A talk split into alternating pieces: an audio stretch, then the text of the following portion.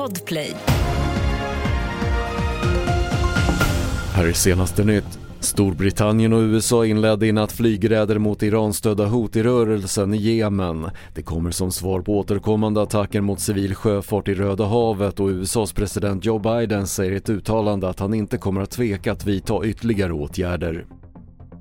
Ingen misstänkt har ännu gripits efter att en man i 25-årsåldern sköts till döds i Sandviken igår. Polisen ser att det är för tidigt att säga om händelsen är gängrelaterad men enligt Expressen har mordet koppling till den pågående Foxtrot-konflikten.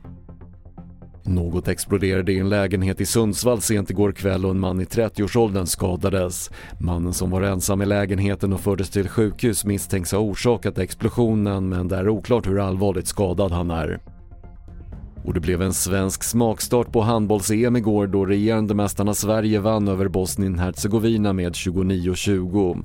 Sverige spelar nästa match imorgon mot EM-debuterande Georgien. Fler nyheter på TV4.se. Jag heter Patrik Lindström.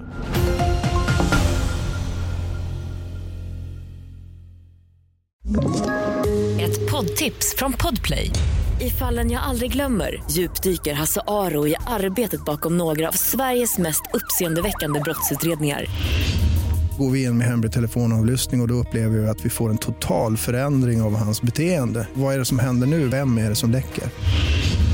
Och så säger han att jag är kriminell, jag har varit kriminell i hela mitt liv men att mörda ett barn, där går min gräns. Nya säsongen av Fallen jag aldrig glömmer på Podplay.